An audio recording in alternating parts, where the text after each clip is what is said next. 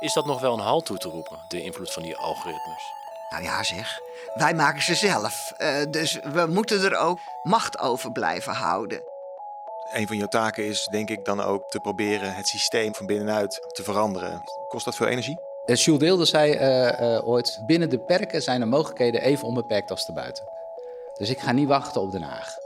Politici en beleidsvoerders denken dan vaak in meer inspraak voor burgers en dan komt het vanzelf goed met het vertrouwen. En dat is de vraag of dat wel zo is.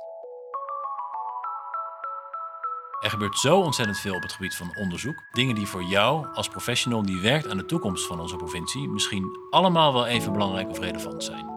Maar tijd is schaars en rapporten vaak dik. We hebben dus gekeken naar in hoeverre discriminatie op de woningmarkt voorkomt. En eh, dan moet je bijvoorbeeld denken aan een literatuurstudie, maar we hebben ook een survey gedaan. Daarom hebben wij van Kennis Zuid-Holland deze podcast in het leven geroepen, waarin onderzoekers en ervaringsdeskundigen zelf uitleggen wat ze geleerd of ontdekt hebben, zodat jij dit weer kunt toepassen in jouw werk. Je luistert naar Over Zuid-Holland gesproken.